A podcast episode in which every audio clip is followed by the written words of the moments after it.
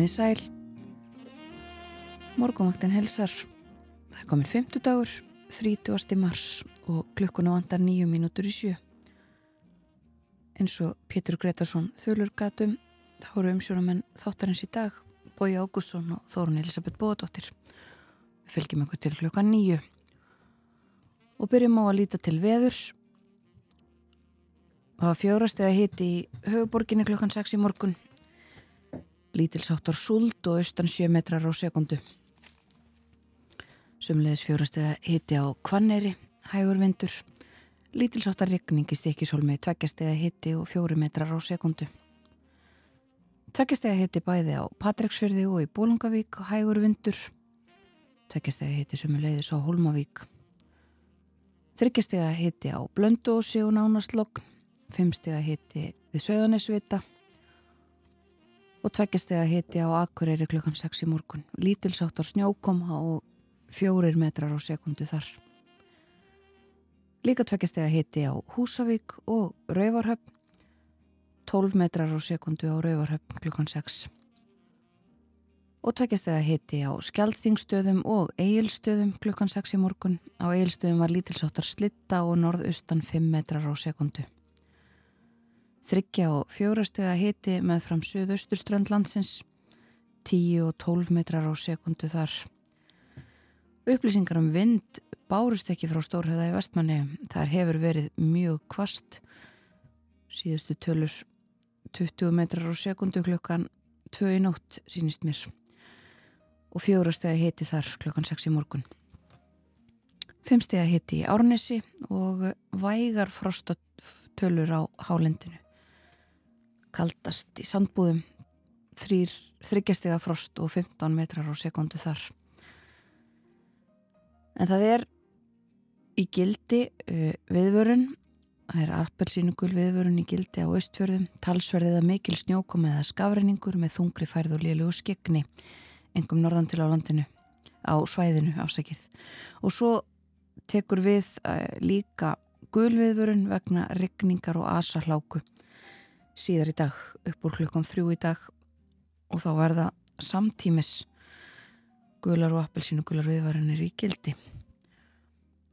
Og uh, það verður austlega átt á landinu öllu en hægari vindur söðvestarlands heldur en annar staðar. Regninga það slita með köplum hitin 2-10 stig en sumstaðar snjókoma norðalands með hita næri frostmarki. Og áfram þessi talsverða eða mikla úrkoma austast Á morgun suðaustan 8 til 15 kvassast með, með austurströndinni áfram.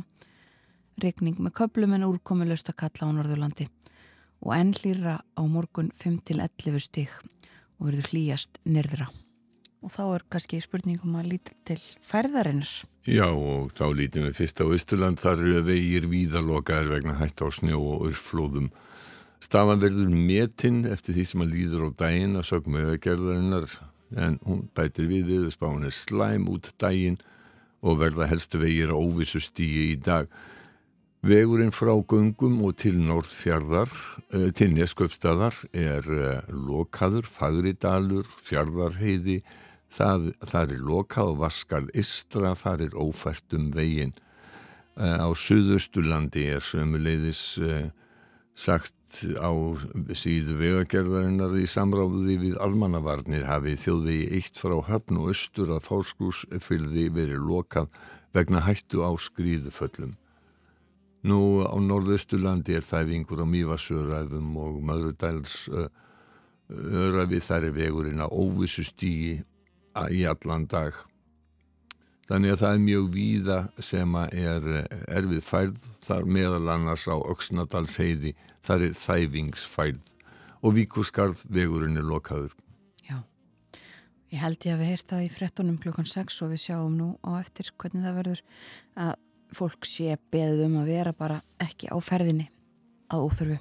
Nei, ég held að það sé rétt. Og uh, lauruglan á Östurlandi, já, uh, upplýsir fólk líka um, um þetta og íbor beðnir um að fylgjast vel með tilkynningum frá lauruglunni.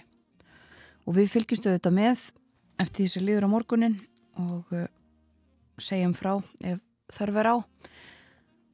En við ætlum að heyra fyrsta lag morgunvaktarinnar. Hörmann Hörmits, var hljómsveit sem var stofnið í Manchester á Englandi 1964. Sveitin var þekkt fyrir létt poplög eins og No Milk Today, Mrs. Brown, You Got a Lovely Daughter og lægið sem við heyrum núna, There's a Kind of Hush.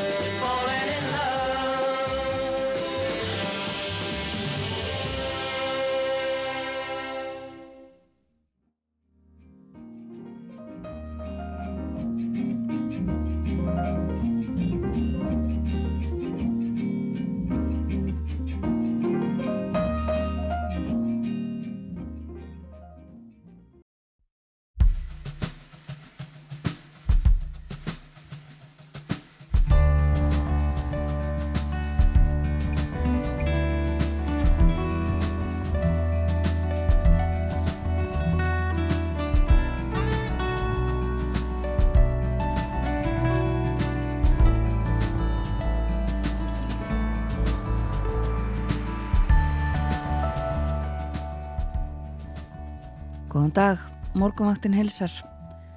Í dag er 50 dagur, það er komin 30. mars og umsjón með morgumvaktin í dag hafa bói Ágússon og Þórun Elisabeth Bóadóttir. Með þessum að verður á dagskrá hjá okkur í dag er að Solveig Jónsdóttir, stjórnmálafræðingur og reythöfundur sem þekkir vel til á Norður Írlandi, kemur í heimsók til okkar upp úr klukkana hálf átta.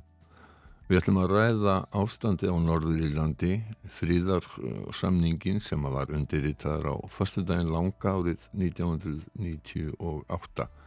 Það verða sem sagt um páskahelgina núna 25 ár frá því að uh, þetta samkómulega sem kent er við förstudagin langa, The Good Friday Agreement, var undirritað. Það battað langmestu leiti enda á áratuga blóð og átök samband sinna og líðveldi sinna eða mótmælend og katholika. Átökinn sem hófust rétt fyrir 1970 kostuðu þúsundir mannslífa og fríðarsamkomulæginu var fagnað og það var staðfest í þjóðaratkvæðagreðsli í mæi 1998. Það er sér sett alltaf fjörnökuliðin en hvernig hefur sambúð hópana á Norðurílandi gengið? Og fjármála áætlun ríkistjórnarinnar leið dagsins ljósi í gær. Katrín Ólafsdóttir, hagfræðingur, verði með okkur að loknum morgumfrettunum klukkan 8 og fer yfir aðgerðina sem stjórnvöld ætla að ráðast í. Þau segast ætla að stemma stegu við verðbólkunni. Hvað segir Katrín um það? Mun þá takast. Og svo er það árskísla Amnesty International um stöðu mannrettenda í heiminum. Þar kemur meðal annars fram að innrás rúsa í Úkærinu hafi afhjúpað hræstni vestrætna ríkja sem bröðust hart við árás Rúslands en letu óátalinn eða voru samseg um gróf mannrettindabrót annar staðar. Þetta segir í þessari nýru skýslu og Anna Lúðvíksdóttir, Frankværtastjóri Amnesty International á Íslandi verði með okkur klukkan hálf nýju fer yfir þessi mál. Svo er þetta fylgjust við með frettum, förum yfir blöðin hér heima og úti í heimi. Og inn á milli heyrum við tónlist. Já, og fylgjumst eins og við nefndum fyrir morgun með veðri og færð ekki síst á Östurlandi og uh, þar eru nú í gildi á Östfjörðum appelsínugul viðvörun appelsínugul viðvörun vegna talsverðrar eða mikillar snjókomu eða skafrennings með þungri færð og lélegu skegni engum norðan til á svæðinu og uh, appelsínugula viðvörunin líka vegna mikillar trublana á uh, mikill að líkna á samgöngu tröflunum og setnipartin í dag þá tekur gildi samhliða þessari appelsínu gulu gul viðvörun vegna þess að þá fyrir að regna og talsverðrigning og línandi viður sunnan til á þessu svæði og þá má búast við asarláku og auknu afrensli og vatnavöxtum. Og við fórum líka yfir það áðan að, að, að það eru fjölmarkir vegir lokaðir á þessu svæði. Ásrún Brynja Yngvarstóttir gerir það líka í sjöfréttunum hér á hann er kannski rétt að endur taka það eh, eh, ef að fólk hefur ekki heilt það að, að á já, það er þæfingsferð til dæmis á Öksnadalsheiði og á Östurlandi eru vegir víða lokaðir vegna hægt á snjó og örflóðum og vegurinn á milli fáskursfjörðar og hafnar, hann er lokaður vegna hættu á skriðuföllum vegurinn frá göngunum í Norðfyrði til Nesköpstaður er lokaður. Fagridalur, Fjardarheiði eru hvortvekja lokaður og Vaskar Eistra, þar er ófært. Já, ég ætla að hafa yfir huglegingar veðufræðings Austlæg átt, sumstaðar kvassviðri eða jafnvel stormur suðaustanlands og með austurströndinni slitta eða snjókoma á austanverðu landinu en regning við sjávarsíðuna. Talsverði eða mikil úrkoma austast í dag og appelsinu gulviðvörun í gildi fyrir austfyrði og setna gulviðvörun vegna asarláku. Viðbraks aðlar á samt snjóflóða og skreðu sérfræðingum fylgjast náið með stöðunu eistra. Lítilsáttar regning eða slitta öðru kvoru vestan til á landinu og hitti 0 til 10 stík, svalast í innsveitum norðaustanlands. Á morgun leggst hann í söðaustan kalda eða strekking. Úrkomulust að kalla á Norðurlandi en annars regning með köplum og hlínar í veðri fyrir norðan. Snýst síðan í útsinnings kalda á laugardag með skúrum eða slittu jæljum og kólnandi veðri. Kanski við lítum um þetta aðeins á helgar veðrið. Það er gert ráð fyrir já aðeins eh, kólnandi veðri í byli, segir á sunnudag. Þá verða söðvestan 8 til 15 metrar á sekundu með skúrum eða jæljum en þurft að kalla á norður austurlandi og uh, það er svo gert ráð fyrir hlínandi veðri á mánudag kólnandi veðri svo aftur á miðvíkudag Svo... Þessi vetur hann alltaf ekkit að sleppa okkur? Nei, ekki byli allavega, en svona gengur þetta. Það er uh, Það er allra veðra von stundum í april á Íslandi og, og jafnvel í mæ og í júni. Já, það en, er svo sem ekkert, ég hægir kannski í undantekninga en uh, það þekkist alveg að það hafi snjóað í júni á Íslandi. Já, sannlega. En uh, þessu svo litið tengt, uh, fórsíðu myndin á morgunblæðinu er frá Neskjöpstað Guðmundur Höskuldsson íbúi í Neskjöpstað var eitt þeirra sem fekk að fara heim til sín í fyllt Björgunarsveitar í gær til að bjarga verðmætum. Í tilfelli Guðmundar var þar meðal annars um að ræða tæki í bíl hans sem var grafin undir snjó eftir flóðin í vikubyrjun og við sjáum á myndinni bílinn og Guðmund uh, vera á leið þangað uh, reyna að grafa bílinn upp. Annars er aðal frettin á fórsýðu morgumblaðsins af uh, af þessari nýju fjármála áætlun ríkistjórnarinnar aðhald og skattahekkanir, það er einföld fyrirsögn og uh, rætt við uh, fórsvarsmenn ríkistjórnarinnar og Haldur Benjamin Þorbergsson framkvæmtastjóra samtaka atvinnulífsins. Hann segir að aðgerðina duði skamt með að við nú varendi vanda. Ósáttur við líkt ígrundaðar skattahekkanir í nýri fjármála áætlun er, er dreið fram líka í undirfyrirsögn. Og uh, við ætlum að ræða fjármála áætlunina og uh, það sem hún á að uh, ná fram hér á eftir þegar að Katrín Ólafsdóttir Hagfræðingur verði með okkur. Það er líka að tala við Sigrúnu Ösp Sigurjónsdóttur forstuðumann rannsóknarsetturs Verslunarinnar. Hún segir engin merki um, hún segir fámerki um að farið sé að draga úr enganislu heimila. Það kunni að breytast þegar að draga fyrr úr áhrifum launahekkana þar með talið afturvirkra á neyslinu. Það fjallaði um vexti og enganislu í blaðinu í dag.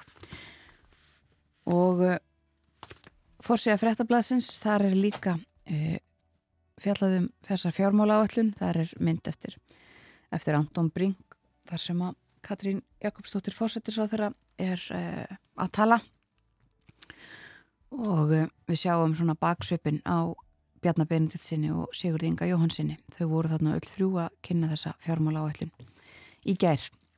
En aðal fréttin hjá fréttablaðinu er hins vegar af um, því að tugum barna með offitu hérlendis eru nú gefin lif. Það var sagt frá því uh, fyrir nokkru síðan að uh, bandarískir barnalæknar breyttu ráðleggingum sínum og uh, vilja að það verði farið mun fyrr í svona úræði ekkert bönnum sem að um, eru með offitu og, og uh, nú eru það nokkru týjir já badna hér á landi sem að fá lifin Saxenda og Ósemping sem að virka á settu stjórnunar kerfið Þetta er ekki megrunalif, segir Tryggvi Helgason sérfræðingur í badnalekningum og offitu badna en virka á þingdar stjórnunar kerfi líkamanns.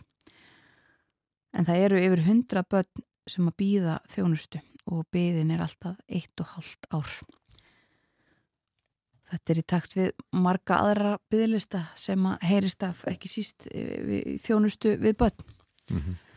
Og við höfum nú rætt stundum hér á morgunvaktinni. En uh, svo eru, er líka mynd inn í frettablaðinu frá Reykjavíkur skákmótunu sem er hafið. Hóst í hörpu í gær og uh, það er með fjöldi þáttakanda, 400 manns sem eru þar að tepla frá 47 löndum.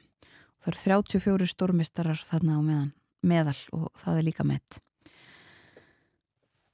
Og uh, það er svo líka frétt inn í blaðinu um, um, vantröst á dómsmálar á þeirra. Það verður rætt á alþingi í dag. Við þurfum að minnast á það. Það er fyrsta og eina mál á dagskrá 91. þingfundar klukkan halv 11 í dag. Já, hann verður klukkan halv 11 og verður útvarpað. Já, hann verður, uh, það hefur verið sérstaklega óskað eftir því. Hann verður í uh, beinni útsendingu á Rás 2 og svo eru þetta líka hægt að horfa í sjónvarpinu. En uh, já, það verður umræða um vantraust á dómsmálar á þeirra klukkan halv 11 og svo þegar þeirri umræðu líkur að þá tökum við næsti þingfundur og þá eru sex mál á dagskráni. Frettablaðið segir jáfnframt í frettinni að litlar líkur séu taldar á því að meiri hluti þingmanna samþykki mannfröst á Jón Gunnarsson tónsmálur á þeirra. Já, akkurat. Þetta eru þingflokksformin samfelkingar, pírata viðresnar og flokksfólksins sem að e, tóku sér saman í þessu máli og og eh, Jón Gunnarsson sjálfur hefur ekki viljað tjá sig um, um þetta mál en til að hann sérstaklega fram á grunni þess að Jón hafi brotið lög þegar hann bannaði útlendingastofnun að senda upplýsingar sem þingið bað um. Og uh, þetta sem sagt verður rætt í dag og auðvelt að bæði hlusta og horfa á þessar umræður þetta verður eitthvað fram yfir háti Já Ef við lítum til útlanda og þá fjallar Economist ítarlega á vefsíðu sinnum Íran og efnahagsmandræði landsin sem blaði segir eina ástæðu þess að klerkastjórnin hefur aftur tekið upp stjórnmálarsamband við Sáti Arabíu.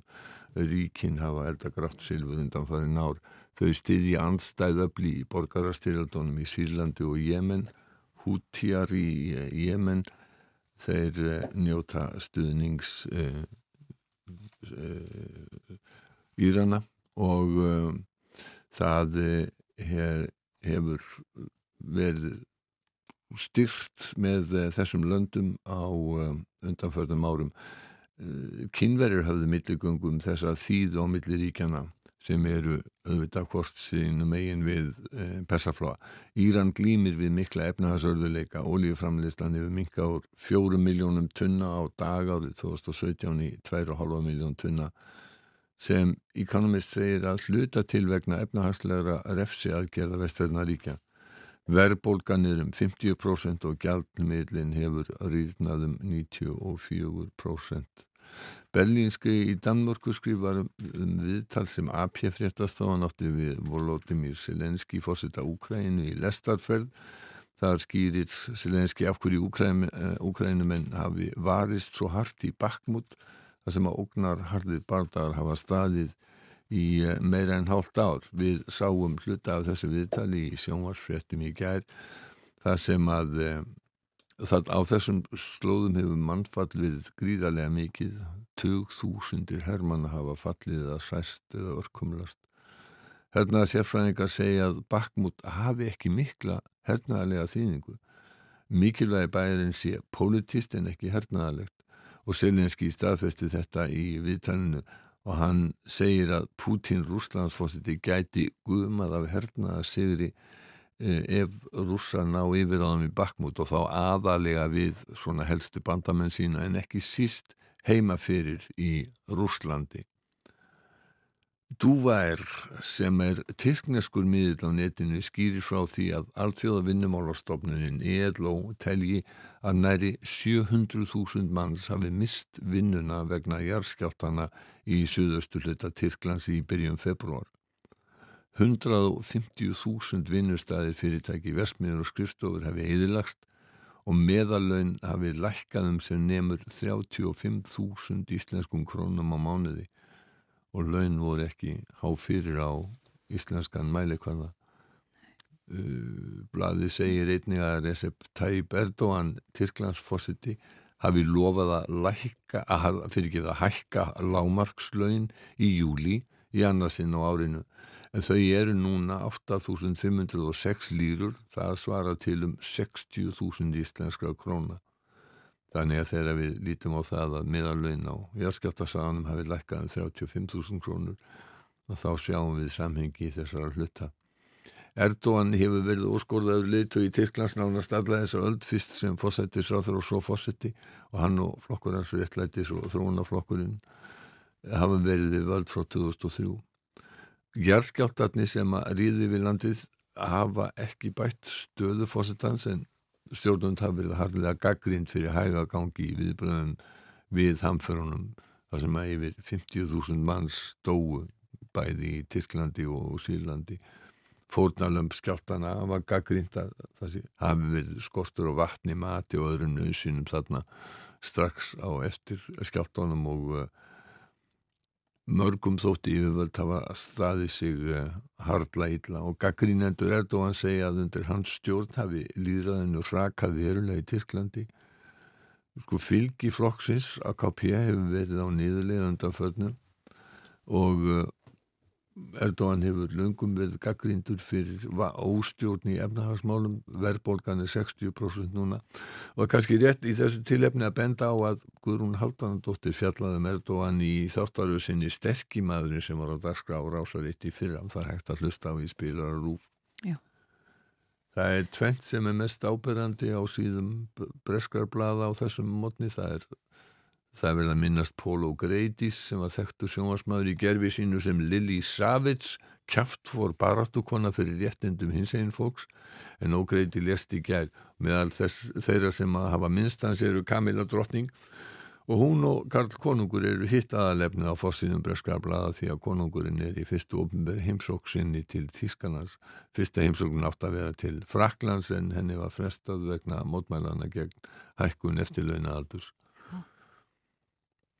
Uh, Jérúsalem Post mm. skrifar að krísa sér komin upp í samskiptum Ísraels og bandaríkjana því Joe Biden fórseti neyti að taka móti Benjamin Netanyahu fórsetis á það Ísraels vegna frumvarsins um breytingar og dómskerfi Ísraels sem hefur verið svo kröftulega mótmælt. Bandaríkjastjórn líst ekkit á þessar breytingar sem mótmælendunni í Ísrael telja alvarlega óknuði líraði í landinu. Einmitt, og við rettum þessi mál við Ólufu Ragnarstóttur frettamann í gær. Já, það er akkurat ekki úr vegi að um, minnast á það Já. Nú, það er væri við getum borið víðar nýður en að því vorum að tala um verið og hvað veturinn er að halda í okkur og þá er ekki að vegi að minnast á það samt að jafndægur að voru var í síðustu viku og dagurinn er orðin lengri en nóttinn og þess vegna kannski komið tími til að hlusta á svona sumarsöng Sænski tónlistamæðun Uno Svenningsson, hann hefur verið lengi að, hann fættist 1959 og á nýjönda áratögnum var hann söngvar í hljómsveitinni Freyta sem ótti nokkra smelli í heimalandinu. Síðust áratugið hefur hann starfað sjálfstætt og með ýmsum öðrum tónlistamannum. Eh, Svenningsson hefur nokkur sinnu tekið þátt í Melodifestivalin undan keppni sænskra fyrir Eurovision söngvakeppnina en ekki haft erindi sem er við þið. Eitt þekktasta lag hans er Vogorna, öldurnar frá 2001. Þetta er bjartur hamingjusöngur, ljóðmælandi gengunir og strönd í sólskinni og vindur reyfir hár hans og svo syklir hann undir bláum himni og öldurna rugga bátnum og allt er í himnalagi heiminum hann er vísu skýta kuldi í síðjóð núna og allt á kafi í snjó mjög víða en við skulum heyra Svenningsson syngja Vågorna gungar mig mot det lun jag vill ha.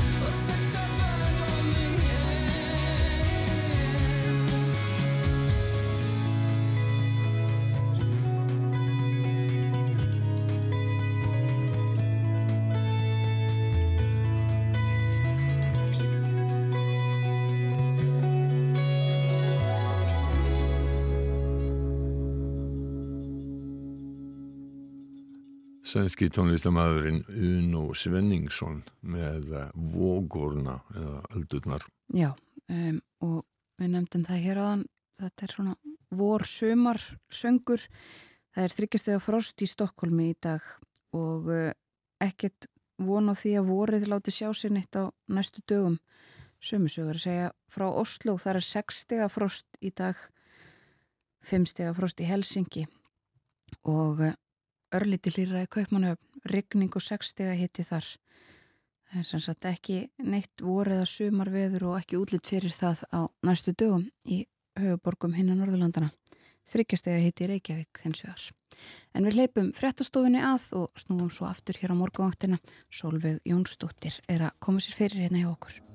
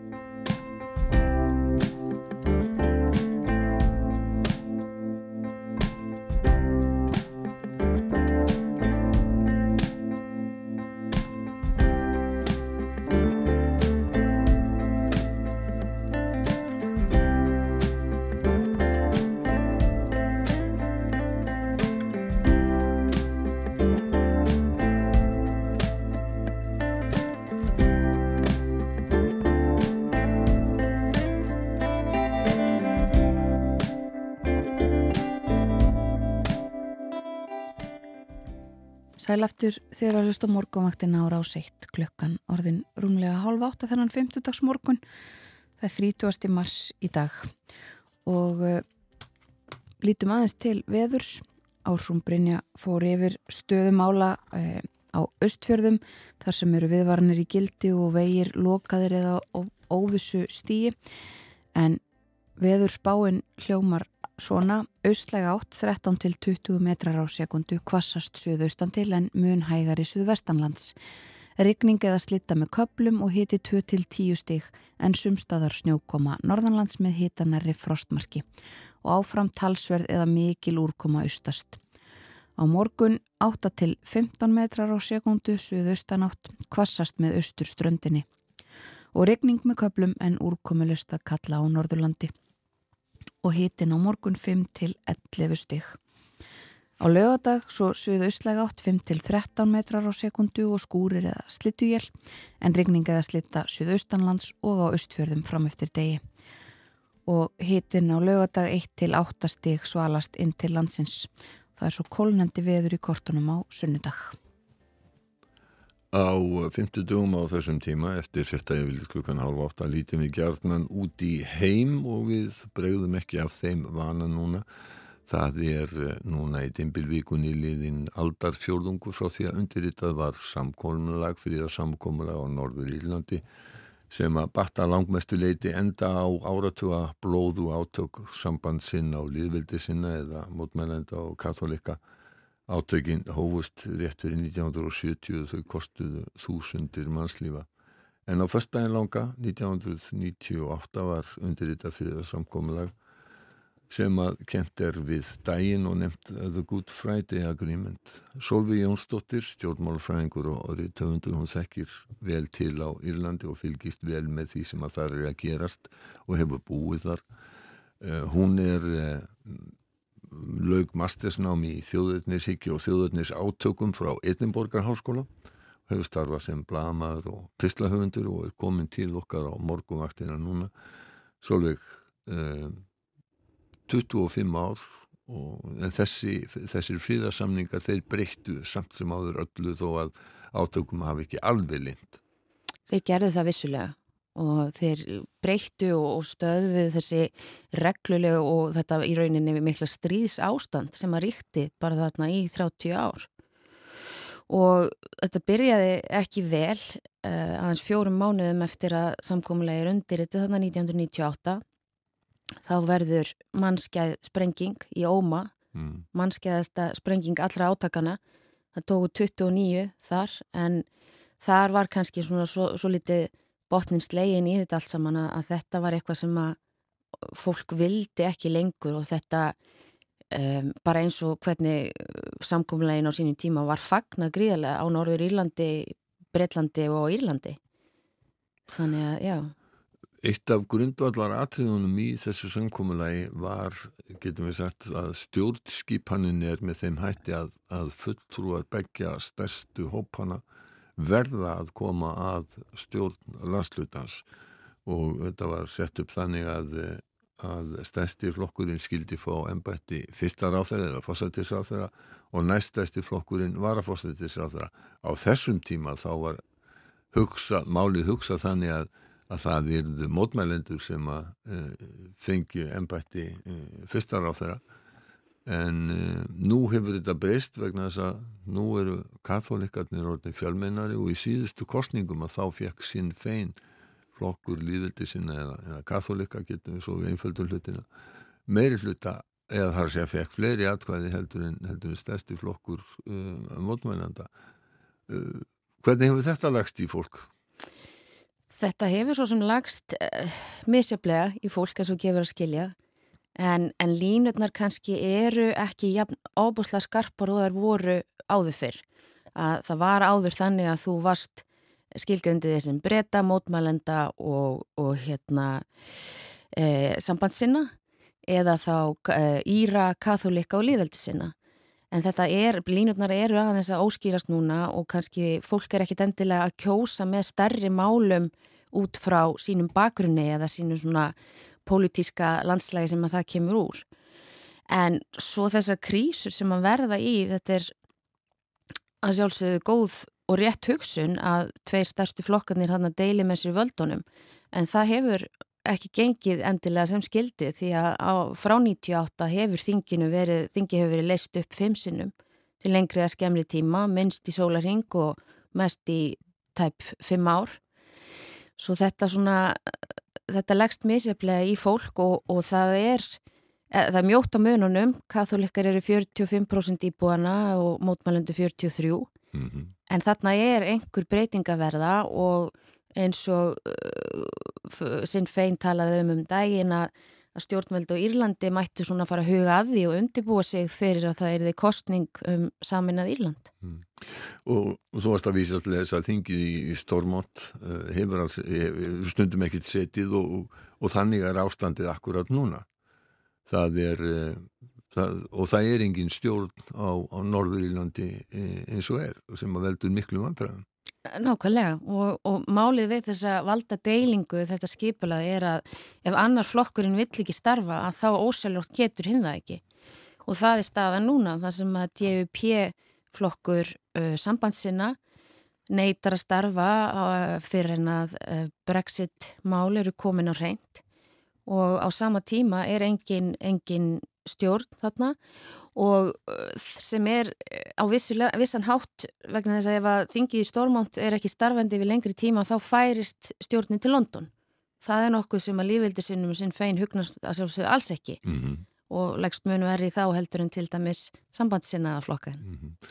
Þú veist að vísa til þess að, að, að sinn fein vildi að, að stjórn Íska lífildisins í dýblinni færi að undibúa mögulega kostningu í þessu samkomlagi þá er gert ráð fyrir þeim möguleika að það verði kosið um, þeir kalla þetta borderpól eða landamæra eh, kostningu en þetta er í rauninni kostningum um saminningu Írlands. Já það hefur verið markmið sinn fein frá upphafi, ég vilst markmið. Um, Mihól Martin, utanríkis og varnamálur á þeirra Írlands, hann sagði nú um daginn að það þurfti nú bara að fara varlega í allar svona pælingar og talaði um að, að það var í brínast að koma stormont á fót aftur en, en þetta er jú vissulega partur af samkómuleginu um að þeirra katholikur væri hlutfallslega fleiri á Norður-Írlandi að þá væri búið til þessara kostninga.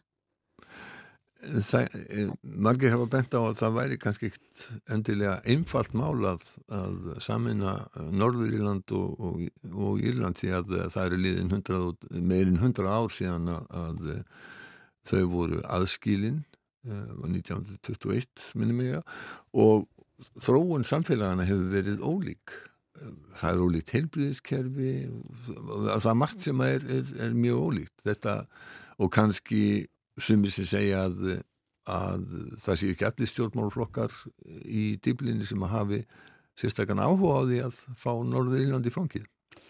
Nei, bæði það og svo er auðvitað sá möguleiki líka sem að kannski hefur minna farið fyrir er bara hvernig fólki á Norður Írlandi skilgrinni sér sjálft. Mm. Að í svona þjóðabúlsi sem var tekinn fyrir uh, tveimur árum minni mig að þá er hluti fólks að eru 30% sem skilgrinna sér breyta, 30% tæplega sem skilgrinna sér sem Íra og svo eru um 20% sem skilgrinna sér sem Norður Íra og það að þú ætlir að, og þá er aftur komin kannski svipuð klemma ef þú ætlar að fara að láta Norður Íra tilhera Írlandi eða hvernig sem það er. Og aftur á sama hátt, hinum megin við landamærin að efnahagsleg staða Norður Írlands, félagsleg staða, heilbreyðiskerfi, þetta er, þau eru mjög langt á eftir. Til dæmis bara hinum megin við landamærin og hinum megin við sundið. Mm. Þannig að þarna búa tvær miljónum manna og það er, já, síst einfalt mál að fara saman við, Norður, við Írland og Norður Írland. Ef við lítum aðeins lengra fram í tíman, einhverju áratíði fram í tíman þá hefur þróunin verið svo að kathólikum hefur fjölgað hraðar heldur en mótmælendum og þessi munur eh, mun kannski aukast eh, á næstu áratugum. Getum við séð þá að, að mótmælendurnir verða í talsverðu minni hluta og fá kannski litlu ráðið um stjórn uh, Norður Írlands?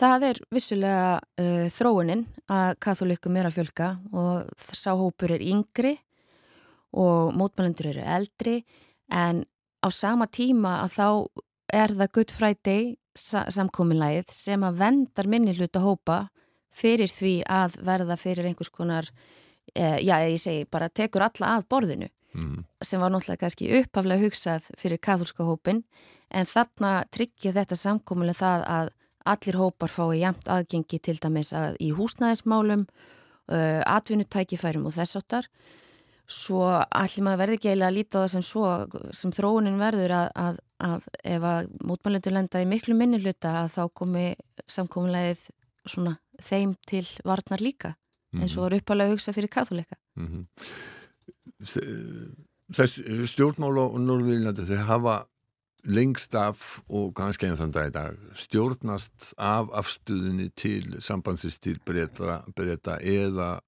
óskinnum það að samina Írland. Og uh, þetta hafa ekki verið svona þessi hefbundu hægri vinstri stjórnmál sem, a, sem, a, sem við þekkjum. Og uh, þetta hafa einhverju leiti breyst uh, það eru komnið fleiri flokkar til. Uh, það er Alliance Party eða, eða vandalæði sem sem að uh, vil uh, sækja fylgisitt til begja fylkinga. Hefur, hver hefur þróun svona undanförnum árum hvað þetta varðar verið? Ég held að því miður sé staðan enn þannig að, að þjóðfélagið og, og þjóðin Norður Íska hún er tvískipt. Og og það er svona spurning hvað þarf að eiga sér stað til þess að einmitt að þetta fari aðeins að, að jafna sér betur og þá er einmitt tilkoma eins og þessar nýju stjórnmálaflokka til þess fallin. En fólk býr enn í sagt, mótmælendur, það eru mótmælenda hverfi og það eru katholika hverfi, þetta er kannski ekki, þessi tvískipting er ekki eitthvað sem fólk er að verða vart við endilega dagstaglega, það er blandaðinn á vinnustöðum og alls konar svoleiðis en um, fólk er ekki endilega að eignast vini hinnum meginn frá vegna þess að það gekk í katholska skóla eða, mm. eða, eða svoleiðis.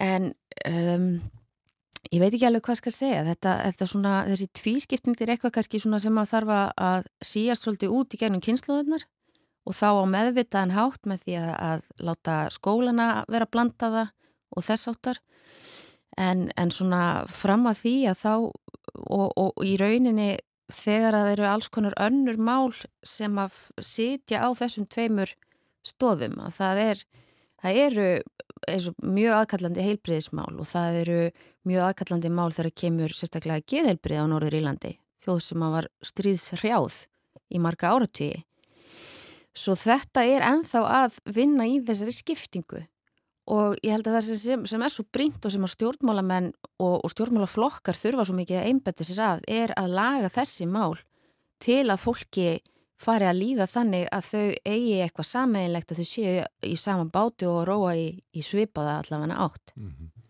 En hver er eiginlega, þú varst að segja það að, að eh, flokkur eh, sambandsina, DUP, Uh, hann vil ekki taka uh, sæti í stjórninu núna fyrir að brexit mál séu leist en sko nú eru brexit mál leist uh, því að breska stjórnin og, og Európa-sambandi hafa gert með sér samkómulag um hvernig á að framkvæma brexit á, á Norður Írlandi. En samt vilja mótmælendur ekki setjast í stjórn. Hverju sætir þetta? Og þetta er þeir náttúrulega voru ekkit sérstaklega hrifnir á þessu, þessu nýja samkominlagi heldur og hversu gegn því vegna þess að með þessu, þessum vins og ramma að þá er, má segja að Breitland sé að fjarlæga sig frá Norðurílandi til að geta verið nær þeim skilir að uppfylla brexit skilirðin mm.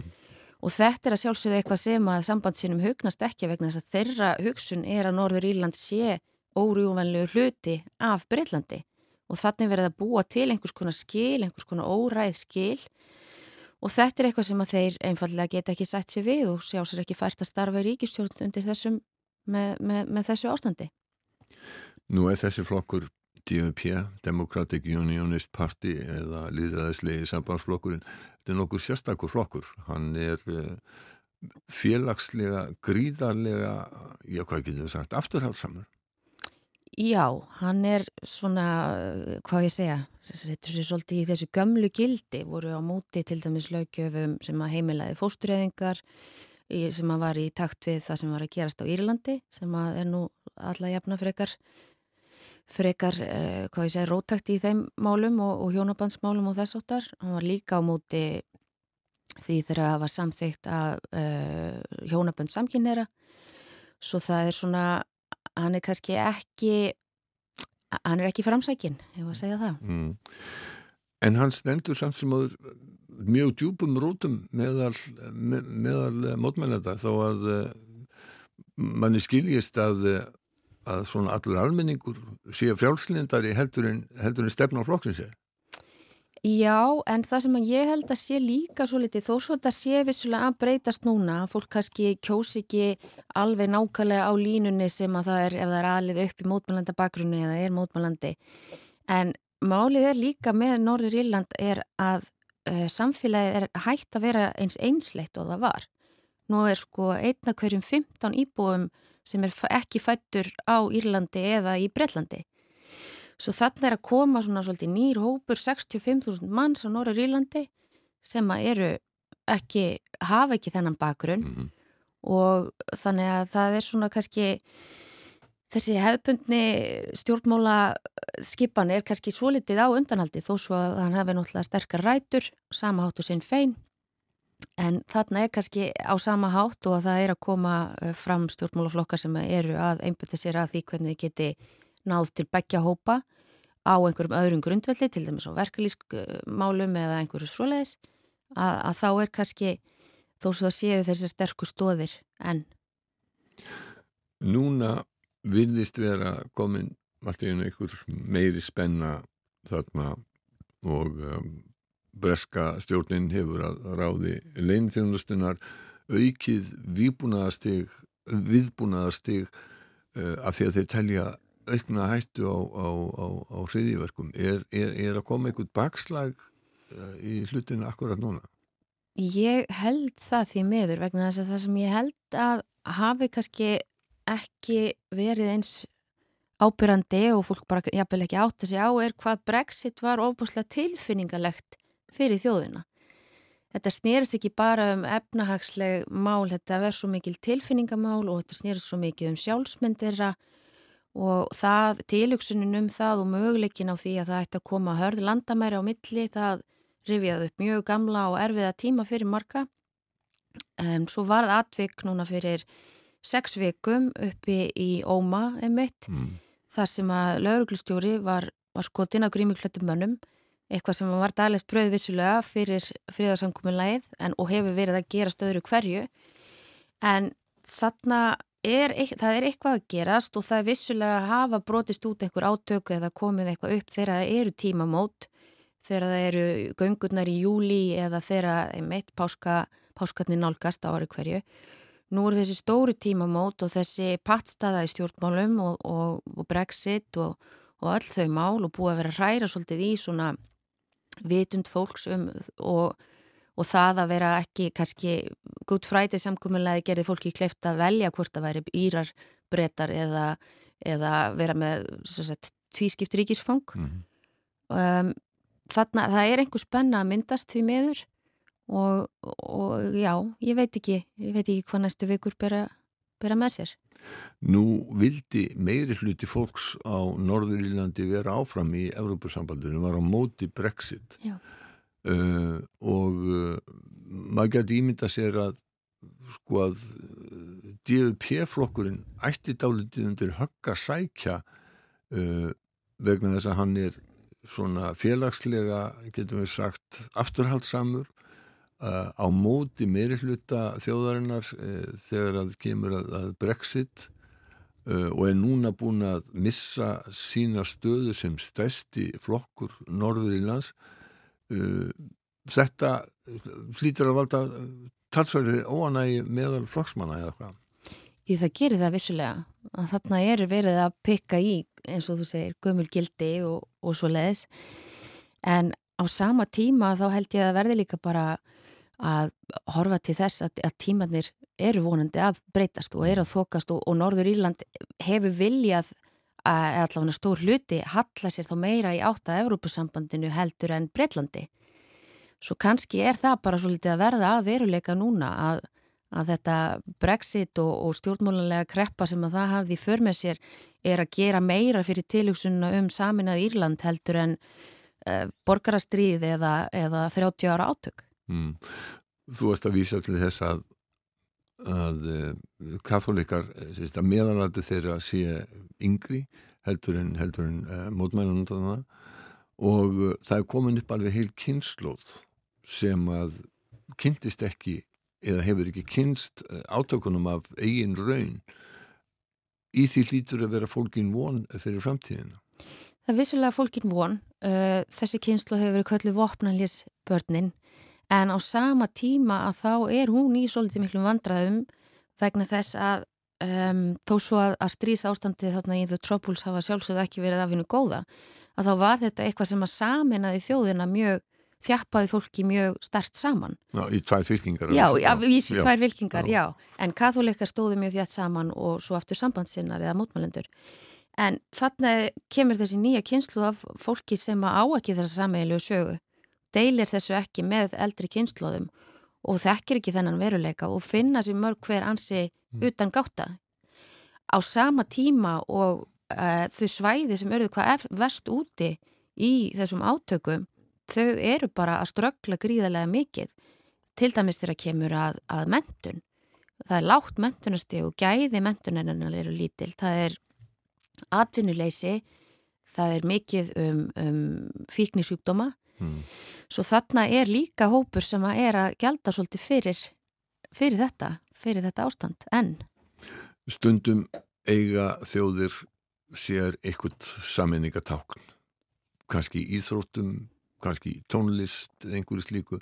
Er eitthvað sem að saminar Norður Íra þannig að þeir hugsi frekar um Norður Írland heldur en hvort þeir séu katholikar eða mótmælundur Stort spurt. Já. Það eina sem að mér dættur í hug er bara Ölster Fræ sem er morgumaturinn þeirra. En, en á, á annars svona, það er nú alltaf verið að reyna að finna það sem samennar fólk í staðin fyrir að einblínu og það sem að, sem að heldur þeim í sundur. En ég held að raunin sé að það verði bara að fara að reyna að blanda meira saman einmitt þessari ungu kynsluðinni og börnunum og fólkinu sem að uppliði ekki þessi átök sem er núna orðið 25 ára mm. að það þarf að halda áfram þaðan og finna þar kannski þennan, þennan sameinlega flött sem að þessi tvekja, tvekja miljón manna þjóð hlítur að geta fundið. Solvi Jósdóttir, ríðtöfundur og stjórnmálafræðingur, takk fyrir komuna á morgunvaktina. Takk.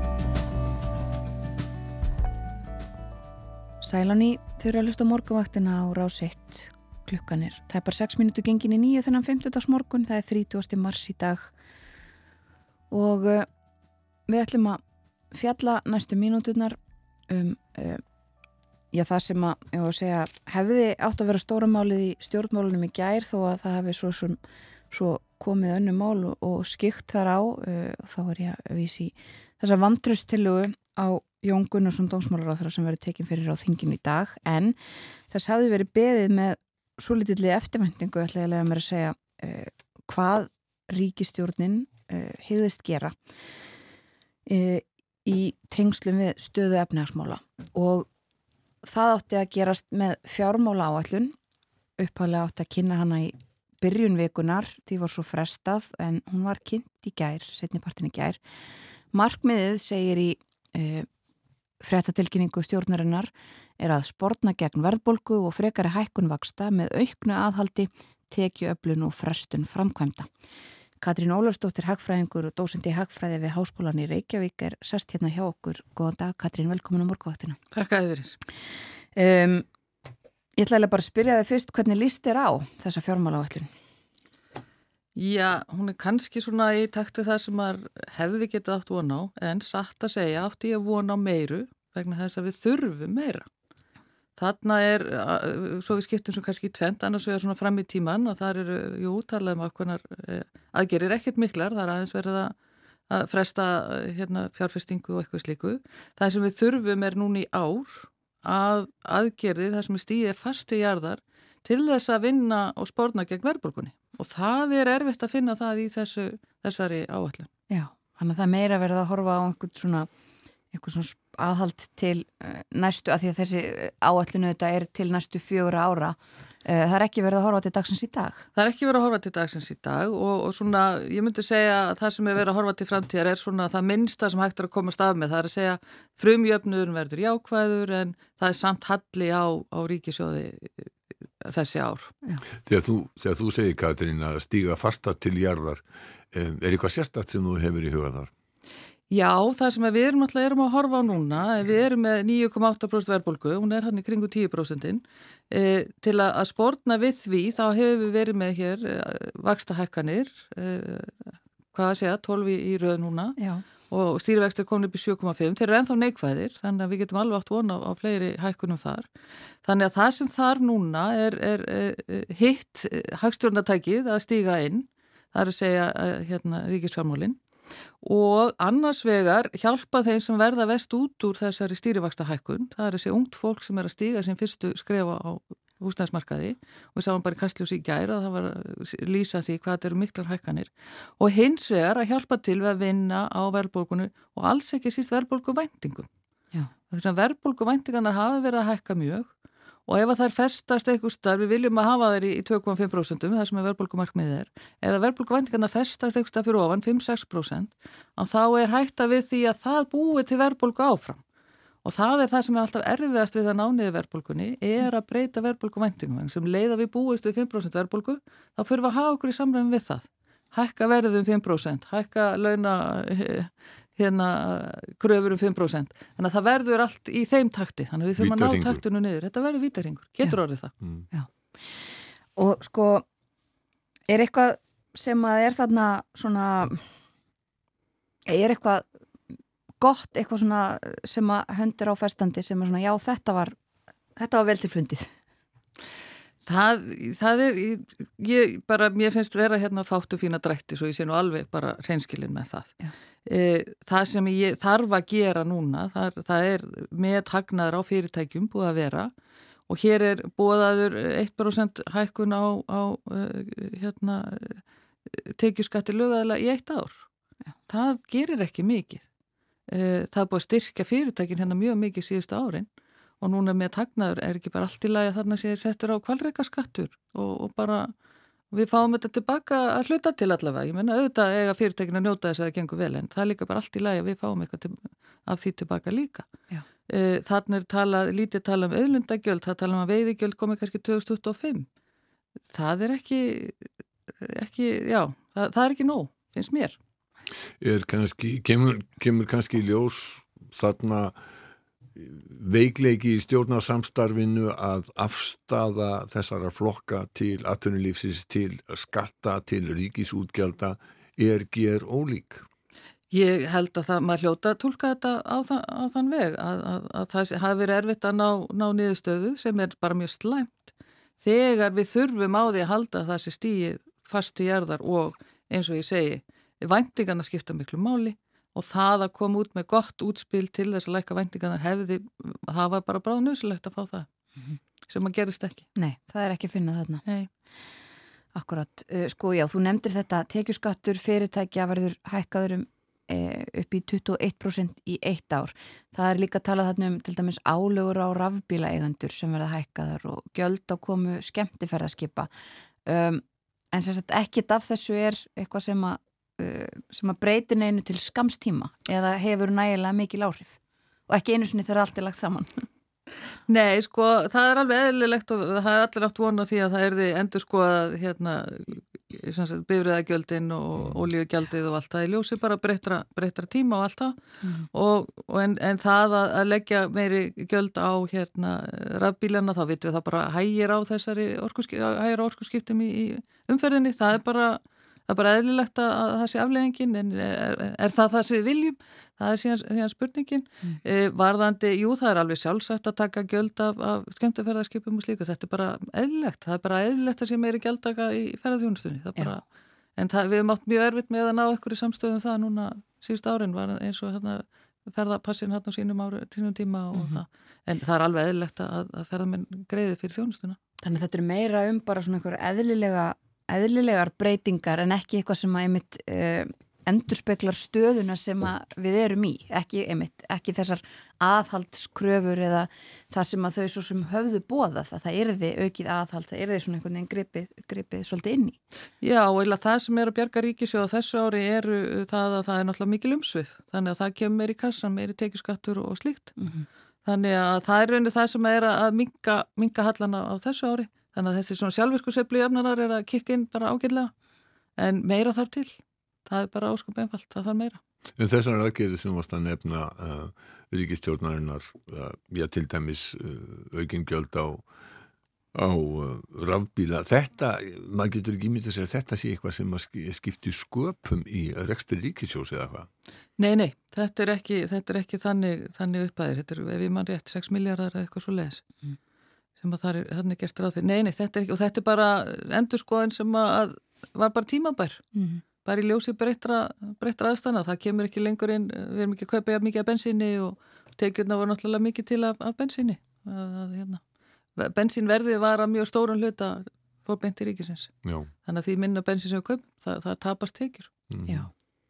Sko, um, þá að auka tekjurnar með þessu sem við höfum svolítið verið að fara yfir og svo líka dragur ríkis og útgjöldum við maður komið inn á þetta, þetta líka en um, eitt af því sem er nefnt er saminningar ríkistofnana og, og, og það er að hækka svona almenna aðhaldskröfu á uh, einhverjar allavega uh, ríkistofnanir um, og uh, sko svo líka ná fram einhverju hagkvæmni með því að, að einmitt flytja ríkistofnanir í sama húsnæði og eitthvað svona.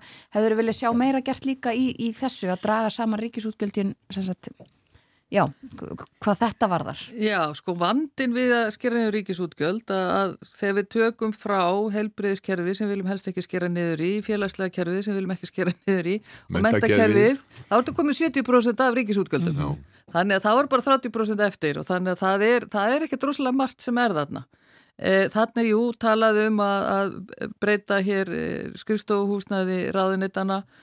E, jú, þetta er einhver tíska að setja alla í svona opið rými og svona minni reynslu, þá fyrir fólk að vinur heima. Þannig að þá bara flyttur kostnaði nefnur á starfsfólkið, ég veit ekki hvort að það er eitthvað.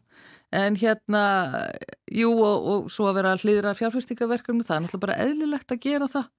Það er bara, eh, þú veist, fjárfestingaríkisins eiga alltaf að taka mið af uh, eh, hagseflunni eftir sem hægt er. Mm -hmm. Það er að segja að vera tilbúið með aðgerðir þegar illa árar og síðan að draga í land þegar aðrir er í fjárfestingum. Já, já. Þannig að, en, já, en svo náttúrulega eru kjærasamlingar, það verður að gera kjærasamlingar hjá hún ofinbera, þannig að við vitum ekki að það kemur út úr þeim. Þannig að það kemur einhver auka útgjöld þar, ég veit ekki að hvað leiti það eru teknar inn hér í í þessar, í, hérna, þessa útreikninga. Verðbólgan, eins og þú varst að segja, hún virðist mjög þrálátt og eh, ekki síst verðbólgu væntingarnar. Þetta virðist manni vera svona alþjóðlegt ástand frekar heldur, frekar heldur en bara á Íslandi og uh, að, já, í Breitlandi til dæmis að hafa menn verið að spá því að verðbólgan, já, hún væri búin að ná hámarki og færa lækka en hún gerir það ekki og því sama má segja í Svíþjóð og, og, og, og fleiri löndum. Uh, eru einhver merki um það að þessi alþjóðlega verðbólga sé á niðurlið? Já, hún verist vera aðeins farin að gefa eftir í flestum öðrum löndum nema hér. Verist vera aðeins svona allar sístu mánu farin að fara niður við. Nýra við, það var einmyndi í hérna, kynningu fjármálaráður í gær sem síndi þetta. En uh, já, en hún hefur verið þrálátt hér. Við erum alltaf vonast til hún farið niður. Hún er búin að vera í, í þessum kringu 10% núna í tölvert marga mánuði. Mm -hmm. Hvað sem er aðeins undir eða aðeins yfir. Og það, við sjáum ekki enþá merkjum það. Hún sé á klárlega á niðurleið og það er er áhugjefni. Já, það var mikið uh, talað um þetta uh, svona framan af þessu uh, húsnæðis, húsnæðisverð og, og sko, húsnæðis þáttin í þessu öllu saman en, en það er miklu fleira núna og nú sjáum við þetta, ég meina, kaupsamningum hefur fækkað og, og það er svona virðist allavega aðgerið sæðlabankar sér að hafa einhver áhrif á, á húsnæðismarkaðin en það er mitt eins og segir, verðbólgan er áfram í, í kringum þessi 10%. Um, er það þá bara allt hitt sem er komið á skrið? Já, sko framan að varða húsnæðisverðið og olíuverðið og svo svona þriðjungur var allt hitt. Já. Núna er greinilegt að það fara að býta verulega á húsnæðismarkaðinum. Það er mjög að, að, að hérna, hæja á þar þó maður sjá kannski ekki vellækkanir en þá. En e, nú er þetta e, allir hinnileginir er að hækka mm. og ef þú skoðar hérna undirliði vísitölu nýsluverðs á síðustu, sex, síðustu 12 mánuði hefur meiri hluti af undirliðan verið að hækka meiri en held ég 6% ef, ef ég mann þessa tölur ég samkvæmt Sælabankanum og það er bara, sínir það að það bara hvert einasta eða likur við hvert einasta hækkunar tilefni fyrir beint út í velæð fólk er ekkert að býða með þetta, það er ekki að sjá ok, það er bara ok, ég ætlum að vera bara að hækka strax þannig að ég vil ekki lokast inni þá ef að verðbóngum fyrir lækandi og allt innum fyrir ykkur taka eftir því að ég er að hækka verð. Já. Þannig að þetta er mjög almenn verðhækkun sem við erum að horfa á. Og eins og segir, eh, veltaði beint út í verðlægi þannig að fyrirtækin eru ekki taka neitt hluta af þessum skelli e, sjálf. Þetta fyrir beint út í verðlægið. Svo verist vera, svo verist vera, já. Sko, og þú hefur talað um uh, víða og meðal annars hér í þessum þætti uh, mikilvægi sko, samkeppninar og eftirlitsins með henni mitt í þessu ástandi sem þú ert að nefna þetta og, og það er svona þessi fristni í því að hækka verðina því allir hinnir eru að gera það líka og það er hægt um, Eitt af því sem að uh, Katrín Jakobsdóttir myndist á í gær var uh, svona verðlags eftirlit á vegum hins ofinbera um, Er það jákvægt og líklegt til árangurs? Ég, ef þetta er aktíft fyrirbæri, fyrirtæk, nú veit ég ekki nákvæmlega hvað þarna er verið að hugsa, en ef þetta er eitthvað sem er aktíft og, og, og hægt að fylgjast með hver er að hækka hvað, mm -hmm. þá getur þetta orðið mjög gott aðalstæki. Vandi við samkeppnina er að, jú, hún getur haga sér eins og, nei, varandi fákeppnina, hún getur haga sér eins og samkeppni, en hún getur líka haga sér þannig að allir getur hækkað eins og þau vilja. Mm -hmm og það virðist vera svolítið, nú er, þú veist, getur maður ekki, er, þú veist, það er ekki náttúrulega að benda á eitthvað neitt neða annan en bara þarna virðist vera það að það sé mjög auðvelt að velta þessum hækkunum út í velæð og það hefur verið að gerast, þannig að það er nöðsult að fylgjast þar með og hafa, þú veist, bara þannig við höfum þá þessar upplýsingar, hver er að hækkum hvað og það er bara, bara eðlilegt, mm -hmm. bara eðlilegt og, og þarf að vera alltaf, ekkert bara núna, heldur bara alltaf. Já, einmitt. Svo förum aftur í kannski byrjunina á þessu uh, spjallokkar sko, uh, þú ert ekki mjög hrifin á þessari áallun uh, hún hefði þurft að gera miklu meira og miklu fyrr ef ég skilði rétt framkvæmstjóri samtaka atvinnlífsins er líka í, í fjölmjölum og segur sagt eitthvað held ég á þá leið að svona ríkistjóðnin væri í rauninni að hlýfa sér við því að taka erfið ákvarðanirnar sem samt væru nöðsynlegar. Ertu, svona, ertu sammála því mati? Já, ég get tekið undir það, allavega mm. var nöysilegt að þarna kæmu bara meiri, sem sagt, bara meiri stefna mm. og, og þetta er, það er ekki að sjá mikla stefnu í þessum ákvörðunum. Þannig að það er, já, ég ætla að sé bara ágættis lýsing mm. að, að allavega það virðist ekki vera samkómulega um það hvað nákvæmlega þarf að gera. Nei.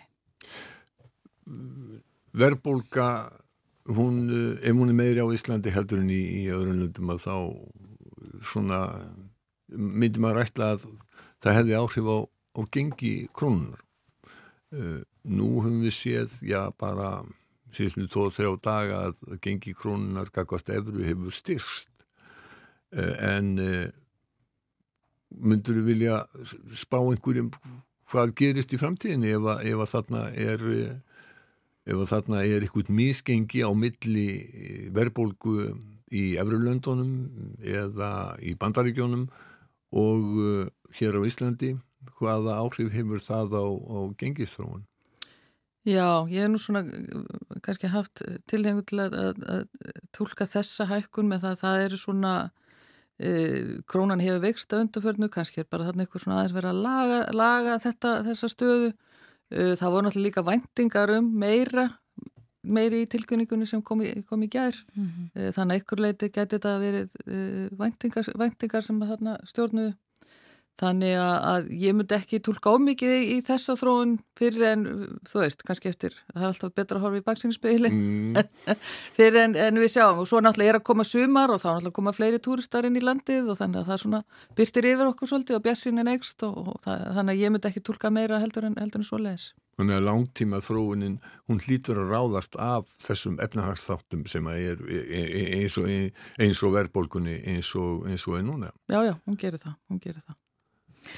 Og sko, ef við horfum með mitt aðeins fram á veginn, uh, getur við spáð það einhverju um það uh, hversu lengi þetta ástand uh, varir ef við horfum bara á þessa fjármála áætlun ef hún er það sem stjórnvöld alltaf leggja til málana uh, hvað, hvað gerist þá á næstunni og hvernig verður þetta?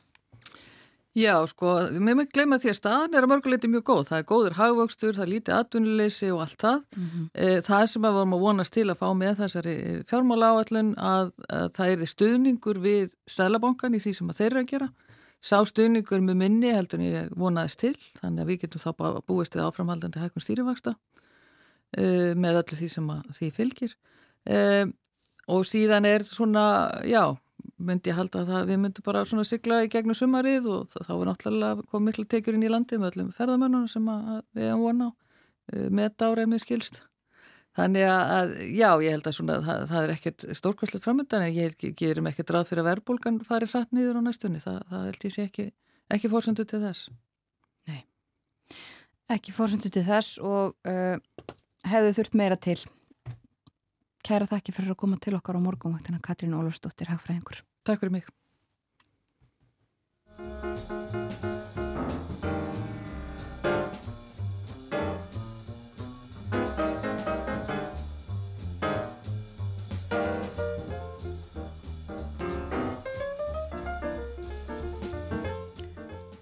Katrín Ólafsdóttir, hagfræðingur, fór yfir stöðumála í efnarslífinu ekki síst í ljósi þessar fjármála áallunar sem að stjórnvöld kynntu í gær.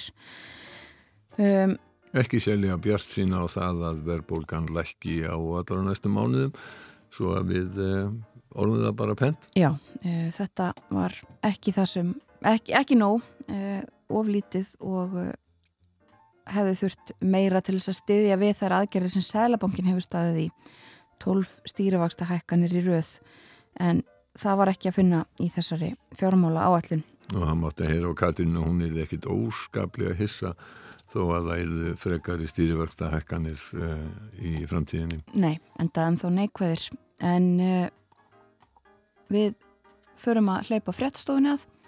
Það er yfirleitt morgunfretta á slæginu hálf nýju og uh, að því loknu þá ætlum við að færa okkur Í önnur mál við ætlum að ræðum stöðu mannrettinda í heiminum Anna Lúvíksdóttir, frangatastjóri Amnesty International á Íslandi verður með okkur og ræðir við okkur um eh, stöðu mannrettinda út í heimi og líka í fyrsta sinn þá hefur mannrettinda stöðu á Íslandi verið getið í áskýslu Amnesty International.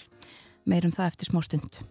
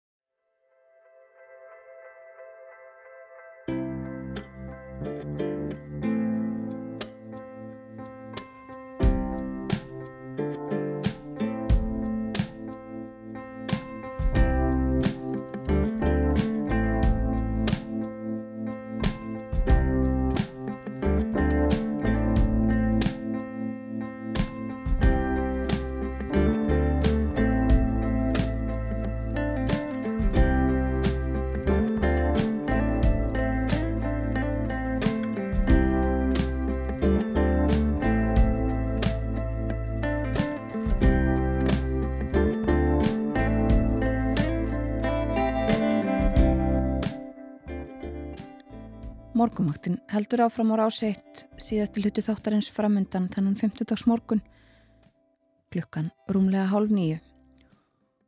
Katrín Ólafsdóttir Hagfræðingur var hér hjá okkur fyrir frétta eflitið. Eh, hún fór yfir fjármála áætlun ríkistjórnarinnar sem var kynnt í gær um, og hætti að segja að hún hef ekki verið mjög hrifin af því sem þar var að finna gerir ekki uh, mikið til þess að slá á verðbólguna og ekki heldur verðbólgu væntingarnar sem að eru uh, svona. Eitt af aðal vandamál Já, sjálfstætt en tengt vandamál. Já, það væri komin ákveðin vítarfingur þegar að uh, væntingarnar leitu til verðhækkana í sjálfu sér. Já, hún var sagði að hún er ekki hissa þó að það eru frekari vakstahækkanar Sælabankans. Já og það sem að hún hefði vel að sjá væri stuðningur við aðgerði Sælabankans hinga til en þann stuðning var ekki að finna í þessari fjármála áallin. En nú er allt annað. Nú er allt öðru eins og við hefðum bóðað eh, síðasti hluti þáttarins í dag verður helgaður mannréttindamálum. Anna Lúðistóttir, Frankondastjóri Amnesty International og Íslandi er sest hérna hjá okkur. Velkomin á morgunvaktina. Takk. Við ætlum að ræða um uh, mannréttindi í heiminum uh, og tilefnið núna er uh, ný skýrsla Amnesty International árleg skýrsla um stöðu mannréttinda á skýrsla uh, samtakana og um, það eru þetta kannski ekki óvænt en uh, það er mikið og, og auðvitað uh, áhersla á Úkrænu innrás rúsa í Úkrænu. Um, Ég var að fara eins kannski fyrst bara yfir uh, svona stóru myndina í mhm, áskýslinu. Mm -hmm, já, þessum að skýslan þessi skýsla kemur út árlega á vegum samtakana og gefur rauninu svona ítalega mynd af stöðumannindamála í heiminum, bæði eftir svæðum og löndum uh, og málefnum og sínir líka kannski svona ákveðna tilneyingu sem ríki er að fara taka sérst, í stefnu varandi mannreitindi og svona hvort það sé ykkur, já, ykkur svona tilneying í gangi.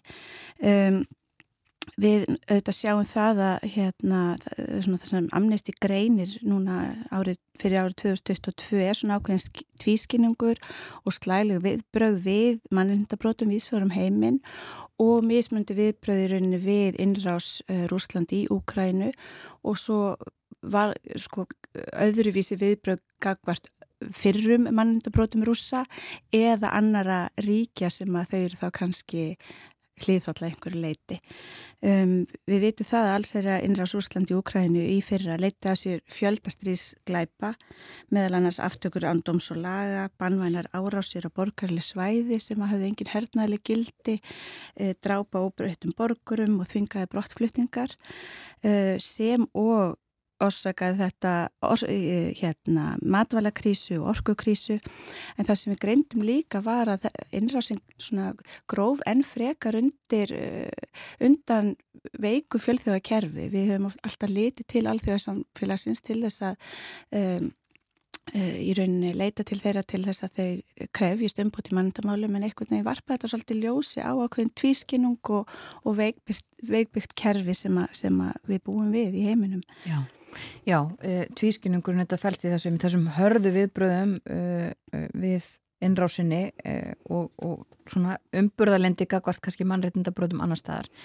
En e, sko innrásin auðvitað samt myndi einhverju segja er á allt öðrum skala heldur en svo margt annað sem á sér stað í heiminum. Já, það sem, það sem að við greindum, amnisti greinir er raunin að vestuveldin brugðust mjög skjótt við með efnahagsþvingunum, senda hernæla aðstóð til Úkrænu, alþjóðli sakamáladómstólinn opnaði fyrir hérna rannsóknar stríðskleipum í Úkrænu, alls er þing saminuð þjóðuna samþýtti álíktun þar sem einrás Rúslands var fordæmt um, og sem glæpur gegn friði, þannig við sáum að alþjóðasamfélagið greip uh, til snöggra viðbræða og auðvitað fögnum við því, það var alveg frábært. En við myndum kannski vilja sjá að þetta veri gert í fleiri málum út um allan heim. Og þetta svona kannski undistrykkaði bara þessa svona aðgera leysi sem hefur enginn viðbröð alþjóða samfélagsins gagvars mannendur brotum annar staðar. Já, ef við nefna einhverja einhver svona sérstök tilvik eða staði? Já, já, við getum kannski hort á til dæmis uh, árið 2022 var eitt mannskjæðasta ár á Vestubakkanum í Palestínu þar sem um, Saminu þjóðurnar skrásettu að 152 einstaklingar hefði verið eh, myrtir af Ísraelskum hersvitum og þar meðal rúmlega uh, 20 batna. Uh, Ísraelsk stjórnveld hafa haldið áfram að þvinga fólk af heimilu sínum, þvingaði brottflytningar uh, hérna með það aðeigna með að stækka landtökusvæði sína á Vestibakkanum og hernumdu sveðanum Palestínu. Það hafi verið fangilsanir að gethóta, langflest tilvík er það palestinst fólk, pindingar og önnur íll meðferð, skerðinga fundafrelsi og ferðafrelsi palestinst fólks og uh, í staðin að, að, að vesturíkin, vestuveldin í rauninni fordæmi aðskiljanastefnu Ísraels að þá höfum freka séð það að þau hafi svona hort fram hjá því og, og jafnvel fordæmt þau ríki sem fordæma aðskiljanastefnuna. Það er svona eitt dæmi og við sjáum auðvitað líki sátt í Arabíu þar sem rétturinn til að mótmæla er brotinu baka aftur. Mannreitnda sinna eru fangilsaður að geta þátt að þeir eru áréttir og mannreitnda samtökur eru bönnuð, réttindi kvenna eru virta vettu í þannig við sjáum líka gríðarlega alvarleg brot þar til dæmis einni dauðarefsingunni beitt og hikað fyrir, fyrir uh, já, hinn ímsu brotin eftir ósangjötu rétturhöld þannig að uh, almenningur hefur ekki aðganga sangjunum rétturhöldum og er dæmdur í dauða jafnvel í kjölfarið. Þannig við hefum séð alveg gríðal alvarleg brot annars ári, ég ætla ekki að draga úr, úr alvarleika auðvitað innrjósar uh, Rúslands í Úkrænu en við hefum viljað sjá um, að það væri gripið eða stíu jafnföstum fótum til jarðar uh, varandi fleiri, fleiri brot um heiminn. Mm -hmm. og svo vil ég líka kannski fá að nefna auðvitað hefur verið mjög jákvæmt að sjá hvernig Evrópa hefur tekið á móti flótafólki frá, frá Ukrænu og, og við sjáum það þá að það, þegar það er pólitísku vilji þá er hægt að uh, saminast í móttökaflóta fólki og, og tryggja það að, að fólk fái vend í örugulandi og það, það sama þarna varðandi tvískinnunginu, auðvitað viljum við sjá að ríkjum allan heim og í Evrópu uh, tækja móti flóta fólki hvaðan sem það kemur. Eh, við, sko, það má kannski bera saman eh, Viðbröðin við eh, stríðinu eða innrós á rúsa í Ukrænu við eh, styrjöldina sem hefur verið í Jemen og hefur verið afskaplega lítið á síðan blada mm. eða í umfjöldunum fjölmiðla mm. eða ég veit ekki hver er ástæðan fyrir því. Já, einmitt og þetta er, ég menir eitt, eitt dæmi var um það, auðvitað er ábyrg fjölmiðleitni einhver mm. að, að varpa ljósi á stríðsátök annar staðir í heiminum og, og, og hérna sína alvarleika þeirra en það er rétt að, að fjölmilar sérstaklega hér á kannski á í Evrópu og, og vestur, vesturíkjana hef, hafa ekki beint sjónu sínum að þessu ástand og ekki, ekki stíja fast í jarðar þar.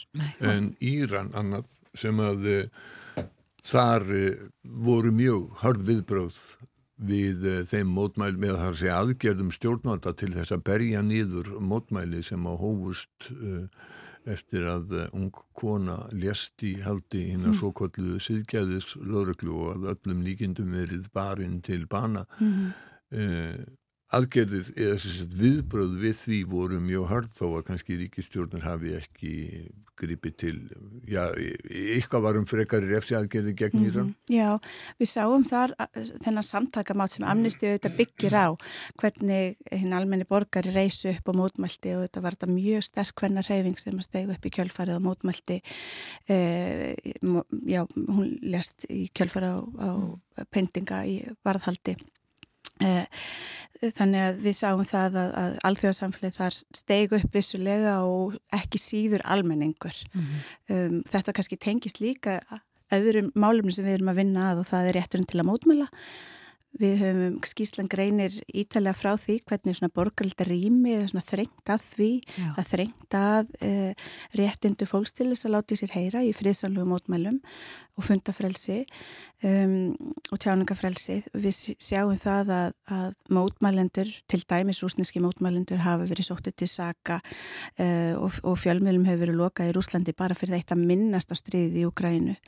Uh, við sjáum bara víðum heima fjölmjölafólk er handtekið og það má nefna Afganistan, Eþjópi, Myanmar, Rúsland, Belarus en, en fjöldi annar að landa.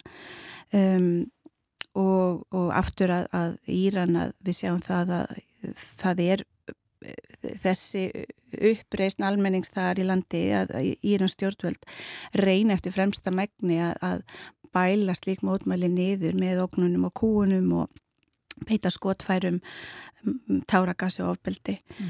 og, og það er í landi í kjálfarm útmælun og í þessum útmælum hafa hundruð verið myrtir og það er meðal börn þannig að þetta er þetta mjög alvarleg staða um, og Amnesty International lítur vör herrferð í fyrra sem er einmitt til einhver því að verja tjáningafrelsið og réttin til að mótmæla uh, með friðsömmlum hætti því að uh, ef að henni almenni borgari getur ekki sagt hugsin að, að þá, er, er staða líðræðisordin stendur hans öllum fæti. Já, þú uh, fórst aðeins yfir mitt mótmælinn í Írans þar sem að sterk kvennarhefing komst líka inn á Afganistan. Uh, það eru auðvitað líka uh, þar og, og eins og viðar annar staðar bara afturför í, í stöðu kvenna og, og réttindi kvenna og stúlna. Já, réttindi kvenna og stúlna viða um heim hefur hafa verið uh, skert. Afganistan, það, það er búið að skerða rétt þeirra til, til mentunar og, og aðgengi heilbreyðisjónst og, og fleira og fleira þannig að staða þeirra uh, er uh, mjög bá uh, og mjög, mjög alvarlegt en við sjáum líka til dæmis í bandaríkjónum það sem að hérna, hæstir rétti bandaríkjana snýri við dómin sem tryggði rétti þungunarofs mm -hmm. þannig að við erum að sjá þetta ansi nálagt okkur líka hvernig er verið að skerða réttindi hvernastúlna og, og varðandi réttindi þungunarofs að það uh, má ekki gleyma því að með því að skerða þann rétt að þá ógnar það öðrum mannréttindum uh, hvern og stúlna til dæmis réttum til lífs, réttum til heilsu, uh, réttum til engalífs og, og að þau hafi uh, getið tekið ákvarðum eigin, eigin líkamann. Mm. Þannig að þetta var ekki, ekki gott skref sem við sáum í bandaríkjunum og og við sjáum líka á sama tíma vorum aðgera sinnar í Pólandi e, sótti til Saga fyrir að aðstofa fólk, e, konur til að, að verða sér út um þungunaráspillur þannig að þetta er, þetta er nálagt okkur. Það aðeins að minnast á uh, í fyrsta skipti þá er mannrættinda á Íslandi getið er það ekki í áskíslu amnesti? Jú, e, í, við gáfum út skíslu hún komur endur út núna í janúar um einangrunum vist fanga í gæslivarðhaldi Þetta er önnu skíslan sem Íslandsdeildin gefur út um, og það er, en í, þetta er í fyrsta skipti sem að Ísland er tilgreint í áskíslu samtakana, heldasamtakana mm. og þar er verið að vísa þá í þessa skíslu um einhvern veginn uh, gæsluvarðhaldsfanga hér á Íslandi. Og þar kemur skýrt fram að Ísland beitir einhvern veginn í gæsluvarðhaldi óhoflega og brítur þannig gegn samningi saminu þjóðana, gegn pyntingum og annari grimmilegri, ómannlegri eða vanverðandi meðferð. Um, við í skýslan greinir frá því að tíu börn á tíu ára tímabili hafa sætt einungruna vist um, og það er einni brot á þessum samningi sem ég nefndi hér áðan það er gríðarlega alvarlegt að setja uh, fólk í einangruna vist og hér á, hér á Íslandi er það uh, oft gert með það að, með að tryggja hagsmunni rannsóknarhagsmunna mm -hmm. Amnesti er alfarðað móti því að, að beita einangruna vist í slíkun tilvikum á grundvelli rannsóknarhagsmunna því oft, þetta er oft fólk sem ekki hefur ákjært fyrir neitt glæp einungrunum vist er gríðarlega íþingjandi eh, meðferð, hefur alvarleg heilsufarsleg vandamál, bæði andli og líkamleg. Og um, við í rauninni, það sem við erum að eh, skora á Íslands stjórnvöld eru þetta breyta bæði lögum og frangvæmt hér á landi. Og við bara svona undistrykku það að núna er Ísland í formensku í Evrópuraðinu. Það er stopnu sem að í rauninni ber ábyrða því að koma í vekk fyrir útrýma pyntingum í Evrópu og við skorum á þau að, að skuldbinda sér til þess að koma á tafalausum umbútum í þessum málum. Um, því að fjöldi þeirra sem að hafa sætt einungrun vist á ári hverju á þessu tíu ára tímabili eh, 2012 til 2021 er um 80 einstaklingar á ári. Þetta er gríðarlegu fjöldi uh, sem að hérna við viljum sjá að, að, að verði breytt með í lögum og framkvæmt Já Það kemur ekki til að góða að Íslands er getið þessari skýslu um, en rétt í lokin Anna um, einhver, ég veit að Amnesty tekur líka saman sko það sem að hlutinir uh, er að þróast í rétta átt. Um, er mikið um það í þessari skýslu fyrir Já, árið 2022. Já, það er nú minnst á einhver, einhver atriði og þetta skiptir það miklu máli að fólk finni það að uh, aðgerðu okkar, uh, borgarna skipta máli að við náum að þoka málum í rétta átt með því að þrýsta á stjórnvöld að, að, að uh, breyta rétt. Um, Við sáum jákvæð skref eh, varðandi afnám döðarefsingarinnar. Amnesty International hefur þetta barist gegn döðarefsingunni í fjöldamörg ár. Um, við sáum að með Afrikulíðveldið, Kazakstan, Papua Nugini og Sierra Leone við afnámu döðarefsinguna með öllu sem því þá bæði e, í lögum og framkvæmt e, og fyrir alla glæpi. Þannig að það, var, það voru jákvæð skref og við greinum það að það, heimurinn er að færast í átt að því að afnema döðarefsinguna.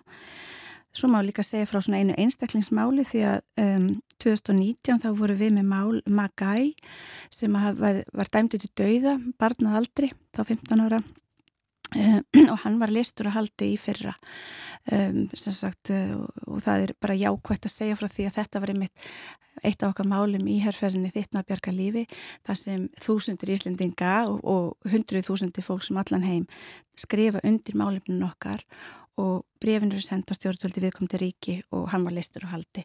Um, og sem sagt döðarefsingin látið þá þá niður falla og hann er frjáls uh, frjáls ungur maður í dag þá en, en hérna um, mjög jákvæð svona einstaklingsfrétt. Mm -hmm.